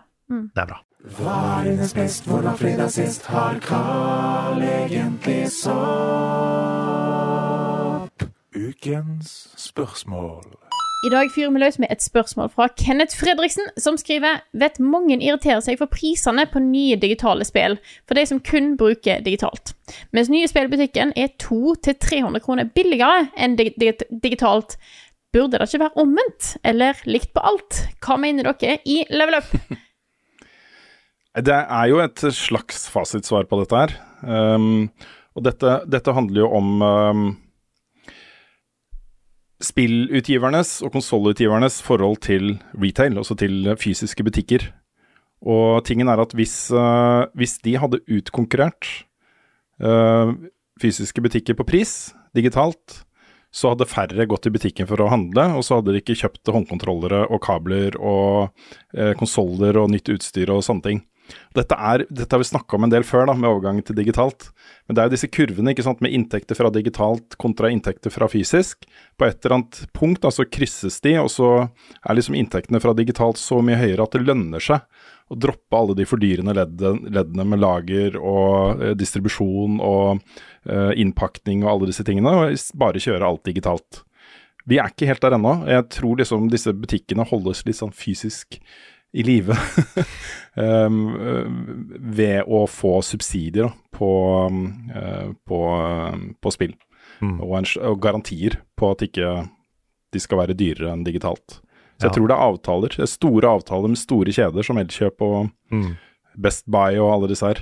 Jeg har jo jobba på elektrobutikk, og husker hvordan det var med salg av eh, alt mulig sånne ting. Så som Mm. printere ble solgt med tap, men printerkabelen tjente man 200 kroner på. Ja, ikke Ja. sant. Så, blekk til printeren. Ja, blekk er jo selvfølgelig sånne ting. Ja, jeg, jeg tror altså, Det som er tingen, at digital, i digitale shops som eh, enten eh, utviklerne eller utgiverne styrer mer sjøl prisen på, eh, så setter de at dette er det det skal koste i vår shop. Enten det er Nintendo e-shop, eller det er Steam, eller hva det er. Men eh, fysisk så vet jeg ikke helt hvordan avtalene er der, om butikkene sjøl setter prisen. For da spørs jo hvor mye de sjøl har lyst til å tjene på salget i tillegg. Eh, Ja, så I Norge så har ikke um, de som lager produkter, de har ikke lov til å diktere prisen for norske butikker. Det er uh, 100% opp til butikkene. Og så er det jo selvfølgelig man bruker prisjakt og sjekker hva de andre konkurrentene tar for det, og så legger man seg der, liksom. ja, ja. Men her- forhandler man jo også fram um, Angro-pakker. At man kjøper inn 1000 kopier av Spiderman 2 uh, og får en rabatt på, på hvert enkelt spill. Da. Uh, og dermed også kan selge det litt billigere.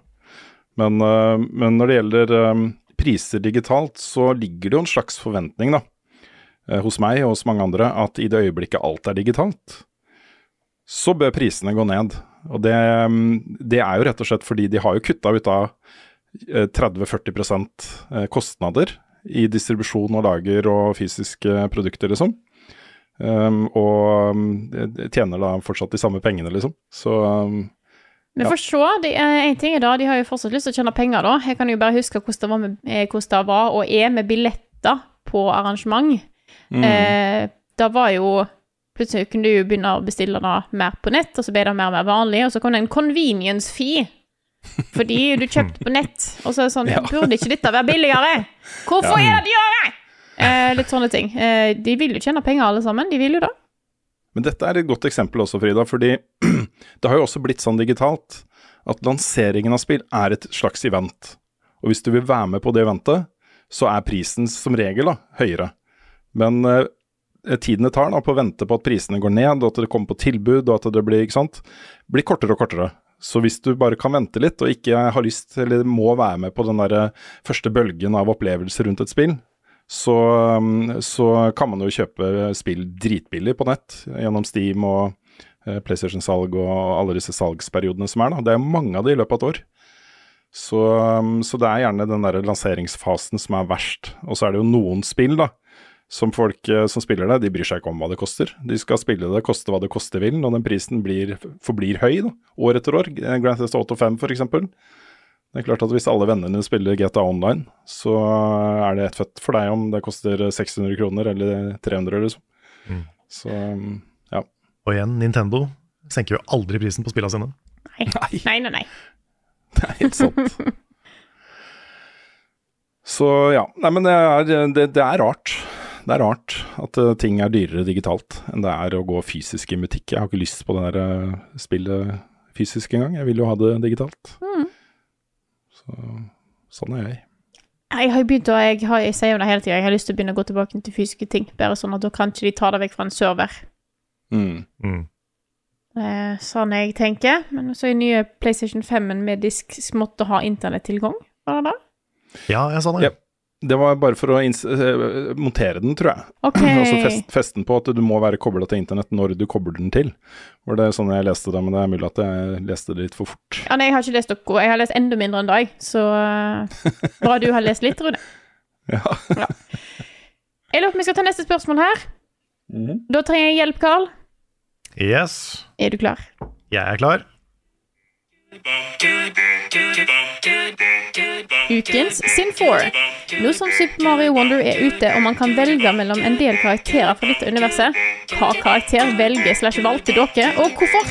Burde flere Super Mario-spill ha muligheten til å velge spillkarakterer, eller burde det kun være Mario og Luigi som har hovedrollen? Sjøl valgte Luigi, det han jeg alltid velger i gode gamle Super Mario 2. Han hopper høyest og gjør at en runde spiller kjappere i Super Mario Bros. 2. Og dette her var jo selvfølgelig Trond Sintfor Borgersen, eh, som har stilt spørsmål. Hvem gikk Mhm. dere for? Det er, jeg er på eh, linje med Trond, jeg også. Jeg velger alltid eh, Luigi når jeg kan velge Luigi. Mm. Jeg gikk for Mario, men det er mest fordi at jeg eh, eh, Jeg har pleid å velge en del andre karakterer enn Mario i det siste, men når jeg skal spille et, et sånn ordentlig sånn good old fashioned Mario-spill, så går jeg, går jeg for Mario. Du ville være the main character. Ja. Ja, Og så kunne jeg ikke velge Rosalina, og da er det på en måte ja. Nei, Rosalina ble utelatt. ja, men Hun bare floater rundt, etter, det blir vanskelig. Mm. Sier noe. Nei, jeg, eh, jeg bytta på litt. For du kan jo, du kan jo eh, når som helst bytte hvem du spiller som. Så litt for å få mer variert video til anmeldelsen, men, eh, men også fordi da får alle vært med litt, ikke sant. Ja, ja, ja. Mm. Mm. Selv om det, det føles litt rart å være Blue Toad. Det gjør det, altså. ja. Hvem er Blue Toad hvis man har ikke et navn engang? Nei. ja. altså, det er jo fint å ha litt å velge mellom, eh, og da får en jo på en måte tatt Spesielt når det er multiplierspill sånn som dette her. Mm. Hvis du har flerspillerspill der, det er liksom der du har fire Mario, da blir det jo enda mer kaos. Mm. Det er sant. Men jeg liker Mm. at det, at det er såpass mange nå. Du har liksom eh, Daisy har jo ikke vært med før på, Nei, på den Det måten. sant, det? Så, og Toadette, Så det er liksom Alle kan være hver sin character uten at noen må være den som Den som er easy mode, på en måte, hvis ikke de vil. Mm, Så det er, det er nice. absolutt. Er det noen dere savner? Det er Rosalina. Valuigi. Ja, Rosalina. Ja, Waluigi og. Wario hadde vært kult å ha Ja, det hadde men vært eh, gøy. det Mm. Men de må kanskje ha andre movesets? ja, kanskje. Kanskje det er rart da hvis Vario og Valuigi hopper og spretter rundt så, på samme måte som Mario? Jeg vet ikke. Nei, jeg ser det for meg, altså. I hvert fall Ja. Luigi. Det er veldig mye bein ute og går, men jeg kan, dette ser jeg for meg, altså. Mm. Kanskje det kommer delelse. Å, ja. The Bad Guy ja, Pack. Ja. Vi snakka om eh, tidligere også med, med eh, Mario Maker. Det hadde ikke overrasket meg altså, hvis det kommer med bare en egen delelse til dette spillet, som er lagd dine egne med Wonderbaner, Mm. som er basert på, på Super Mario Maker. Men eh, ja. Mm. Men skal vi ta neste spørsmål. Carl, har du et på lager? Jeg har et spørsmål, skal vi se. Det er fra Kristoffer Blern Zetlitz. Uh, han spør uh, lurer litt på hvordan annonseinntekter på YouTube fordeles mellom dere og annonsør. Det duk dukker opp reklame i to deler før en video, da gjerne fra to forskjellige annonsører. Hva skjer hvis man ser første reklamehalvdel, men hopper over den andre? Hopper ikke over reklamer fordi dere fortjener all den inntekten dere kan få, fordi dere sørger for topp underholdning til folket. Tusen takk, Kristoffer uh, Zetlitz. Det er, eh, det er en veldig god, veldig snill tanke. Det er en snill tanke, som dessverre ikke har så mye effekt, da. Nei, dessverre. Det er jo YouTube-annonseinntekter er Det er en sånn myte, tror jeg, som Mm. jeg har litt sånn behov for å, uh, for å deflate noen ganger. At annons annonseinntekter på YouTube, til og med for de som har mange, mange millioner views, Mm. er nesten ingenting. Ja, det er, det er uh, forsvinnende lite, altså. Nå har jeg ikke regna på hvor mye vi faktisk tjener, men jeg tror det er snakk om et par tusen i måneden som vi tjener på annonser på YouTube. Mm. Uh, Med da sånn 120 30 40 000 visninger. Um, og det er uh, Det er ja. det, det, noen tjener penger på annonser på YouTube, det er ikke oss. Nei. Nei, Nei du må, du må være en av de største for å faktisk kunne leve av annonseinntekter på YouTube. Mm. uh, som én person. Men det som, gjør at, det som gjør at youtubere som er store, kan leve av det, er jo uh, sponsoravtaler. Ja. Mm. Det er en grunn til at alle her, eh, nesten alle youtubere har det nå. og Det er ikke fordi at en er grådig og vil ha mer penger. Det er bare for å kunne faktisk få inntekter. Ja, Mm. Så Raid Shadow Legends har alle youtubere by the balls, rett og slett. Og så kan det jo bli YouTube-partner, da. Jeg, jeg lurer på om kanskje VGTV var det. Jeg tror ikke vi er det. Jeg er litt usikker på akkurat hvordan det fungerer. Nei, Hvor du kan fremforhandle egne sånn CPM, um, også egne inntektsmodeller på annonser.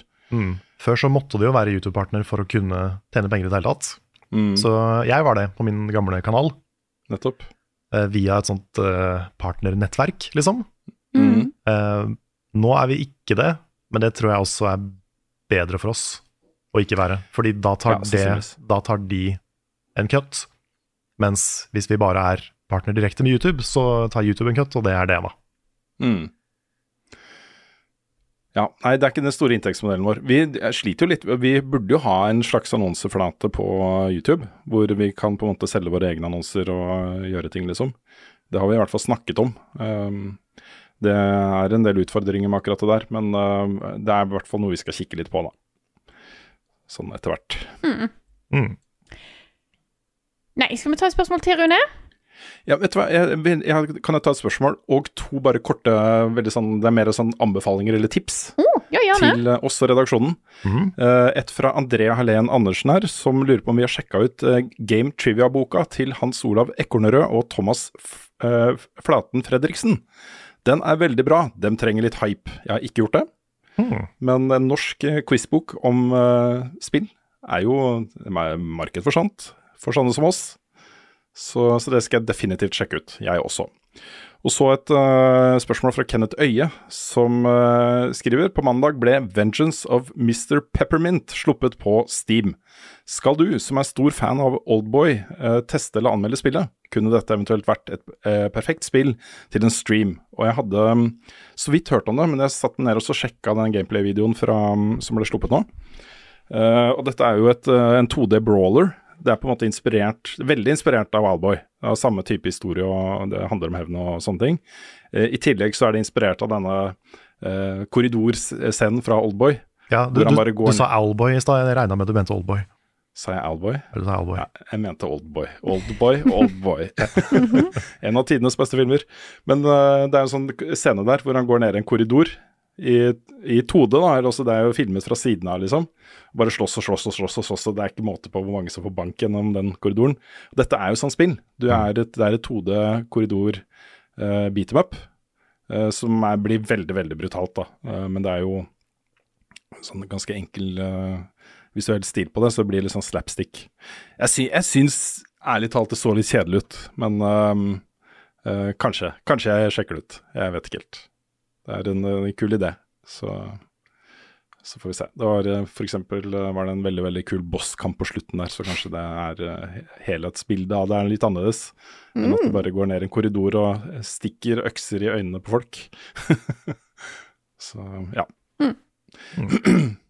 jo, og så hadde jeg et spørsmål også, Ja. eh, og det var Det var, det var, det var eh, fra Valor, som eh, lurer på om vi ofte kjenner på recency bias eh, etter at dere har anmeldt et spill. Ofte kan man kjenne på at et spill er ti av ti rett etter at man har spilt gjennom det, så går det litt tid før man innser at ja, det spillet var kanskje ikke helt perfekt. Det er, dette er jo noe vi er veldig bevisst på. Jeg er i hvert fall veldig bevisst på at det kan være en issue. Så i eh, alle tilfeller hvor jeg har muligheten til det, så lar jeg det gjerne gå et par dager før jeg bestemmer meg for sluttkarakter. Og så er det, det er sjelden jeg endrer mening om spillet. Men det hender av og til at eh, når, hvis jeg er veldig i tvil da, om det er liksom toppscore eller ikke, eh, at det hjelper å bare la det synke et par dager og gruble litt på det. Um, og hvis jeg ikke får, eh, får til det, så velger jeg da som regel å trekke ned, for sikkerhets skyld. Ja, for jeg òg tar, tar litt ekstra tid, bare for å være sikker, da. Bare for å tenke det gjennom litt. Mm. Uh, for det er, det er Det er litt sånn det der å gi den tieren. Den er litt eh, Jeg vil ikke si skummelt, men det er litt sånn eh, Nervepirrende er òg feil ord, men det er litt sånn exciting. Mm.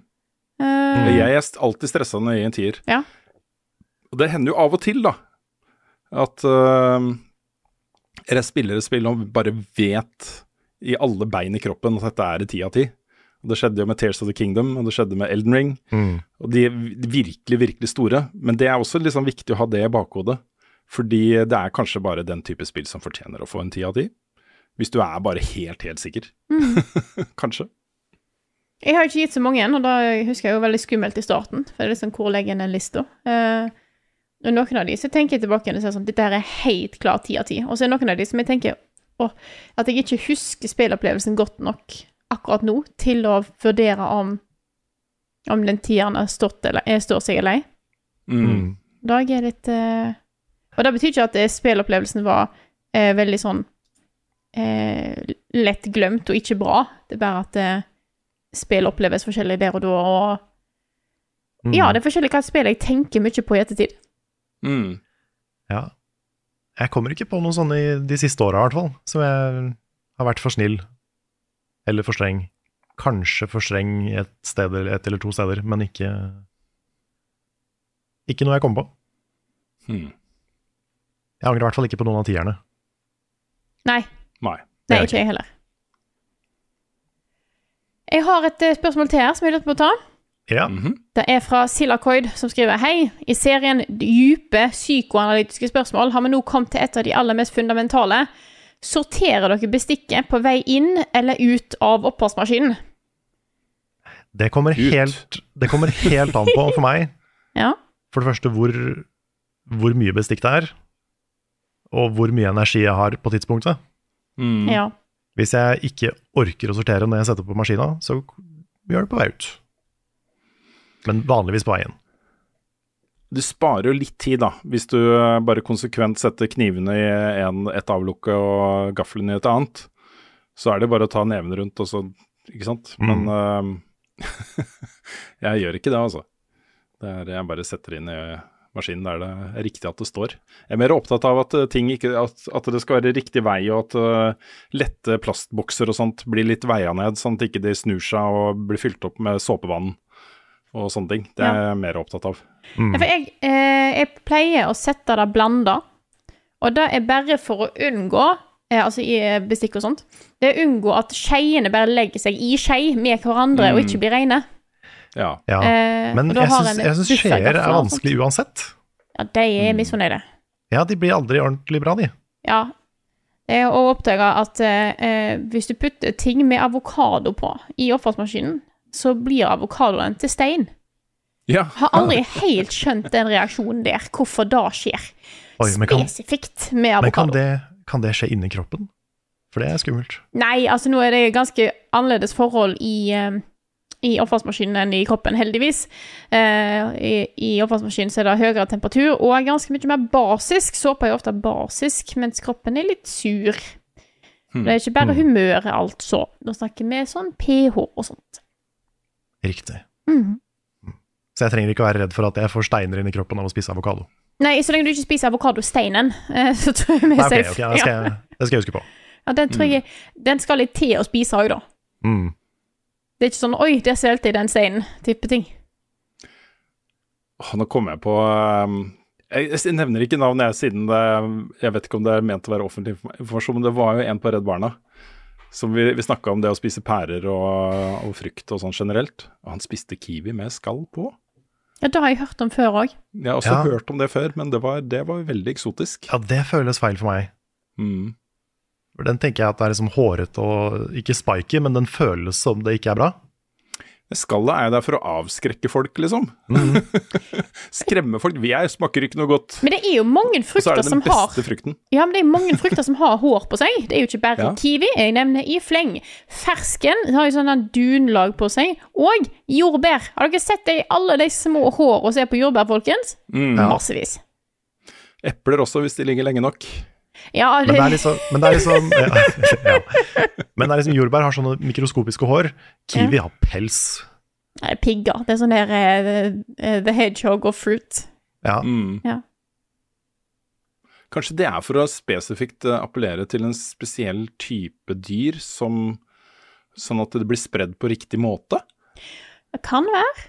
Ja. Jeg, har, vet, øh, dette er jo en, øh, jeg vet jo eksempel avokado, hvis vi går tilbake igjen til det, eh, at avokadoen den hadde dødd ut hvis ikke det var for mennesker. Fordi oh, ja. de dyra som spiste avokado, var noen sånne gigantiske dyr. Som hadde da plass til å spise hele den der svære steinen og ta, og, og ta den med seg rundt. Men de dyra fins ikke lenger. Eh, Så avokadoen hadde ikke vært en ting hvis ikke menneskene hadde fortsatt. Tror jeg det var. Ja, Ellers er det en myte, og så er det bare avokadoen avla fram, sånn som alt annet vi driver med. Hei. Jeg har et siste spørsmål, hvis vi Ja. har tid. Ja, kjør på. Det er fra I am dog dog dog på, på Discord. Han spør har dere en spillopplevelse dere faktisk angrer på at dere har brukt tid på, eventuelt brukt penger på. Personlig kunne jeg vært foruten titalls timer med ranked play i League of Legends, skriver han da. Mm. Har vi noe, har, har vi noe svar på det? Ehm, det tok meg litt for lang tid å innse at jeg, vet du hva, jeg kommer ikke til å bli bra nok uh, med Warzone 2.0. Hm.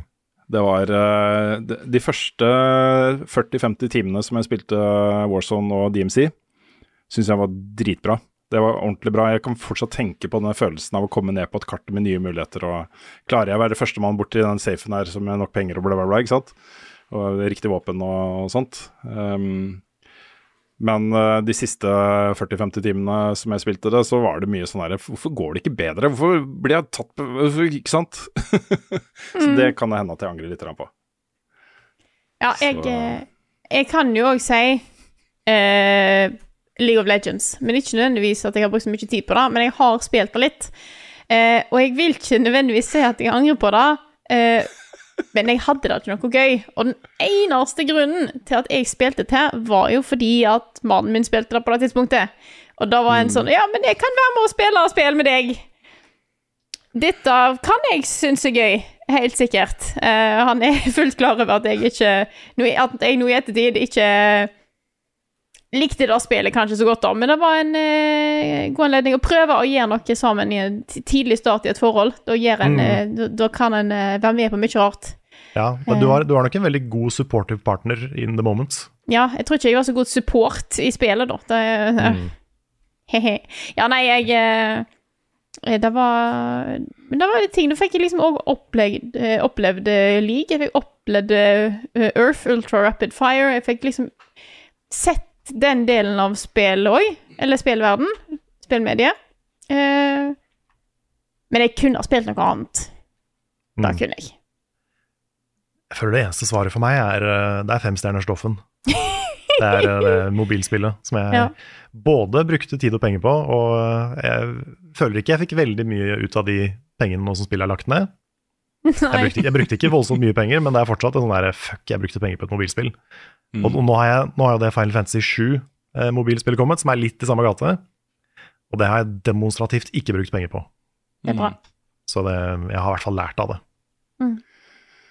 Ja, det er faktisk, Nå kommer jeg på en ting som jeg angrer litt på.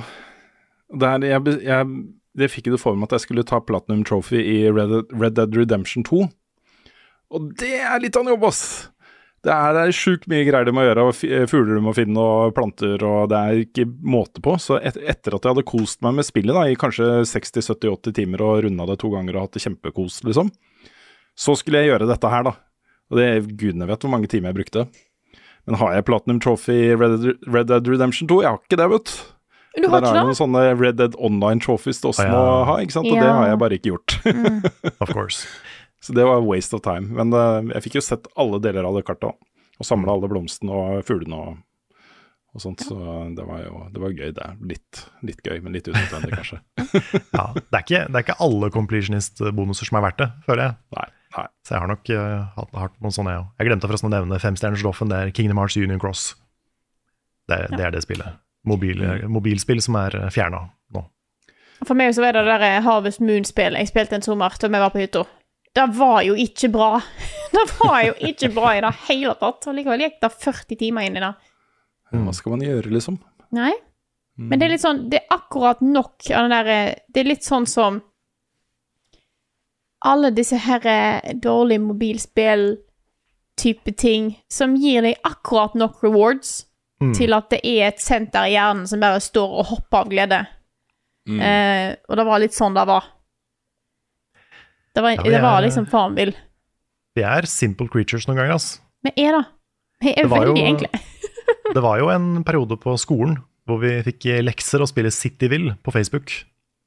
Da Facebook-spill var en ting. Ja. Ja. Vi skulle analysere spilldesignet i Cityville.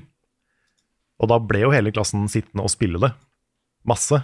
Og invitere venner og bli liksom the worst gamer uh, via det. Mm. Mm. Det kunne gjerne analysert et annet spill, kjente jeg. Ja. Det var en interessant oppgave, men det var ikke Det, det er tid jeg gjerne kunne latt være å bruke. Bedre å bruke tid på gode spill. Mm. Og da er det nok av denne høsten her. Altfor mange. Altfor mange! Ja. Skal vi ta og runde av for i dag, da? Det kan være. Let's do it. Da gjør. Dette her er podkasten Level Backup, utgitt av moderne media. Låten i introen og outroen er skrevet av Ole Sønnik Larsen og arrangert og framført av Kyoshu Orkestra. Og vignettene er lagd av fantastiske Martin Herfjord. Innholdet vårt da finner du på youtube.com slash levelupnord og twitch.tv slash levelupnord. På Twitch der finner du opptak av hele den lange streamen vår, hvis ikke du har sett noe av det. Og hvis du er litt sånn usikker på er det noe der som er gøy å få med seg, så kan du se oppsummeringsvideoen som Carl har lagd, som ligger på YouTube-kanalen vår. Der er det masse gøye klipp som eh, ligger klar, så bare ta, og, ta en kikk der, hvis ikke du har gjort det ennå. Og ny anmeldelsen til eh, Tanja av Volcano High. Yes. Det stemmer. Straks kommer også anmeldelsen av Mario Wonder. Mm. Spennende. Og Spiderman 2. Og Spiderman Spider-Man 2. Ah, yes. Bli også med på discoen vår på discord.gg slash levelupnorge. Og hvis du har lyst på merch, kan du gå på levelupnorge.myspreadshop.no. Og liker du det vi gjør, så er det bare til å gå på patron.com slash levelupnorge og støtte oss der. Tusen takk til dere som gjør det, og som har gjort det tidligere, og som deler innholdet vårt. Uten dere hadde vi ikke kommet noen vei, så tusen, tusen takk, altså. Tusen takk. Og, og med det så sier jeg takk for denne uka her, og så snakkes vi igjen neste uke.